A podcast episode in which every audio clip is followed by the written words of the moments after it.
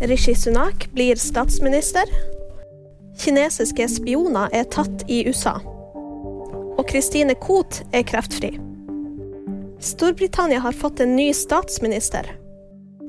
Rishi Sunak har vunnet lederkampen i det konservative partiet. Han blir dermed landets tredje statsminister på under to måneder.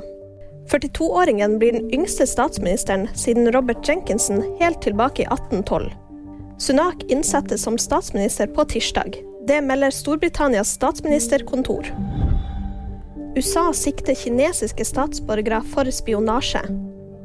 13 kinesiske statsborgere har blitt sikta for spionasje, trusler og forsøk på å stjele høyteknologi på vegne av kinesisk etterretning.